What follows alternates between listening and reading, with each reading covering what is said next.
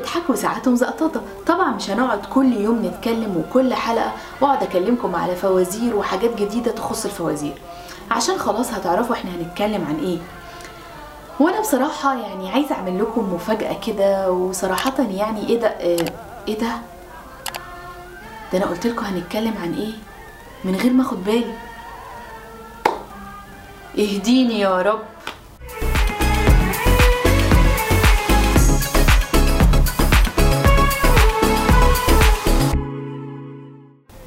اتفقنا قبل كده لما اتكلمنا على الفوازير إنها شكلت جزء كبير جدا من وجود التلفزيون الرمضاني.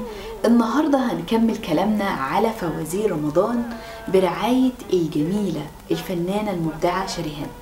شريهان بعد ما خلصت فوازير ألف ليلة وليلة ورد شان وماندو قدمت لينا فوازير حول العالم سنة 1987 فوازير حول العالم كانت من تأليف عبد السلام أمين واستعراضات الرائع الفنان حسن عفيفي.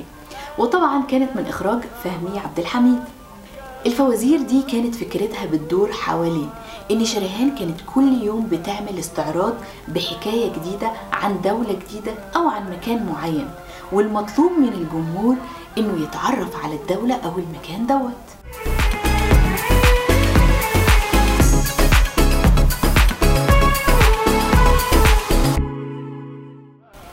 نيجي بقى للسنة اللي قدمت فيها لينا شريهان ألف ليلة وليلة كريمة وحليمة وفاطمة في برضو كانت نفس فريق العمل هما اللي شغالين تقريبا فهمي عبد الحميد وإخراج طاهر أبو فاشا وتأليف استعراضات حسن عفيفي.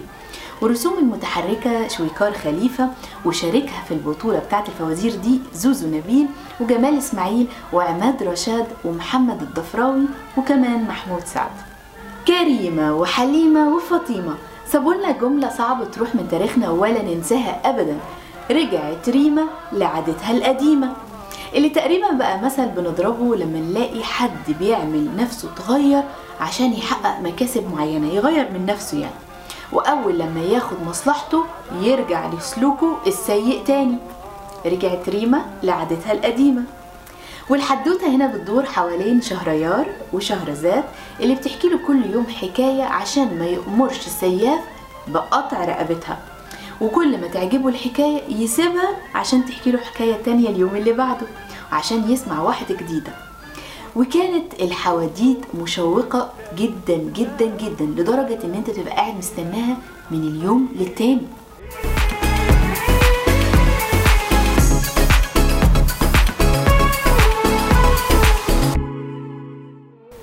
نيجي بقى الفوازير حاجات ومحتاجات وكان رمضان ساعتها في شهر فبراير. الفوازير دي كانت تأليف العظيم سيد حجاب وأشعاره كمان. والمصمم بتاع الاستعراضات كان عاطف عوض والإخراج كان للمبدع جمال عبد الحميد. في الفوازير دي شاركها البطولة الفنان محمد هنيدي وعلاء مرسي وعهدي صادق وجمال إسماعيل. وكانت الفكرة إنها تسأل عن حاجات في حياتنا يعني اختراعات أفادت البشرية وسهلت علينا الحياة وكمان المفروض. من خلال الاستعراضات والمعلومات اللي بتقدمها شريهان كل حلقة والمفروض المشاهد يعرف إيه الاختراع ده. نيجي بقى للفنان الراحل الله يرحمه المبدع سمير غانم. كان كوميديان رائع. عشان كده قرر الراحل فهمي عبد الحميد إنه لازم يستغل خفة دمه وشقاوته ويدخله عالم الفوازير. مش بس كده كمان استغل كل طاقته في الخدع المرئية والبصرية والمنتجية عشان يصمم شخصية فريدة من نوعها. مين؟ مين مين عشان تكون بداية دخول قوية لسمير غانم في عالم الفوازير؟ مين؟ فطوطة كان ميلاده رمضان سنة 1982 وهنا مزج فهمي عبد الحميد بين الشخصية القزمة الصغيرة الغريبة اللي أبدعها وبين سمورة الراجل العادي. سمير غانم كان خايف جدا على فكرة في بداية طرح الفكرة عشان طبعا عمالقة الفوازير نيلي وشريان بس المخرج أقنعه جدا. ومن هنا بدأت رحلة فتوتة. كان عبارة عن قزم لابس بدلة خضراء وجزمة صفرة كبيرة جدا وشعره كان كثيف ومنكوش أغلب الوقت. والملابس كانت من تصميم وداد عطية. على فكرة البدلة تم تغيير لونها من الأسود للأخضر. ليه بقى؟ عشان فهمي عبد الحميد حس إن الإسود هيخلي شخصية فطوطة شخصية كئيبة وهيحطه في إطار جد وده عكس المطلوب تماما. مش صح ولا إيه يا فطوطة؟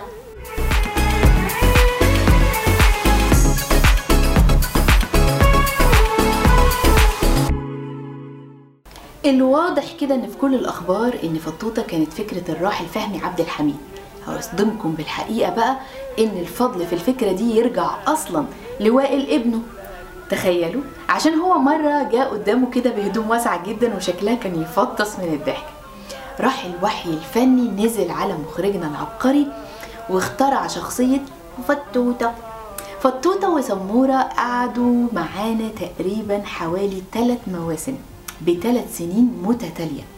وكان سمير غانم الفنان الراحل الجميل الله يرحمه بيقدم فيها شخصيتين زي ما قلنا قبل كده ونجح جدا في ده.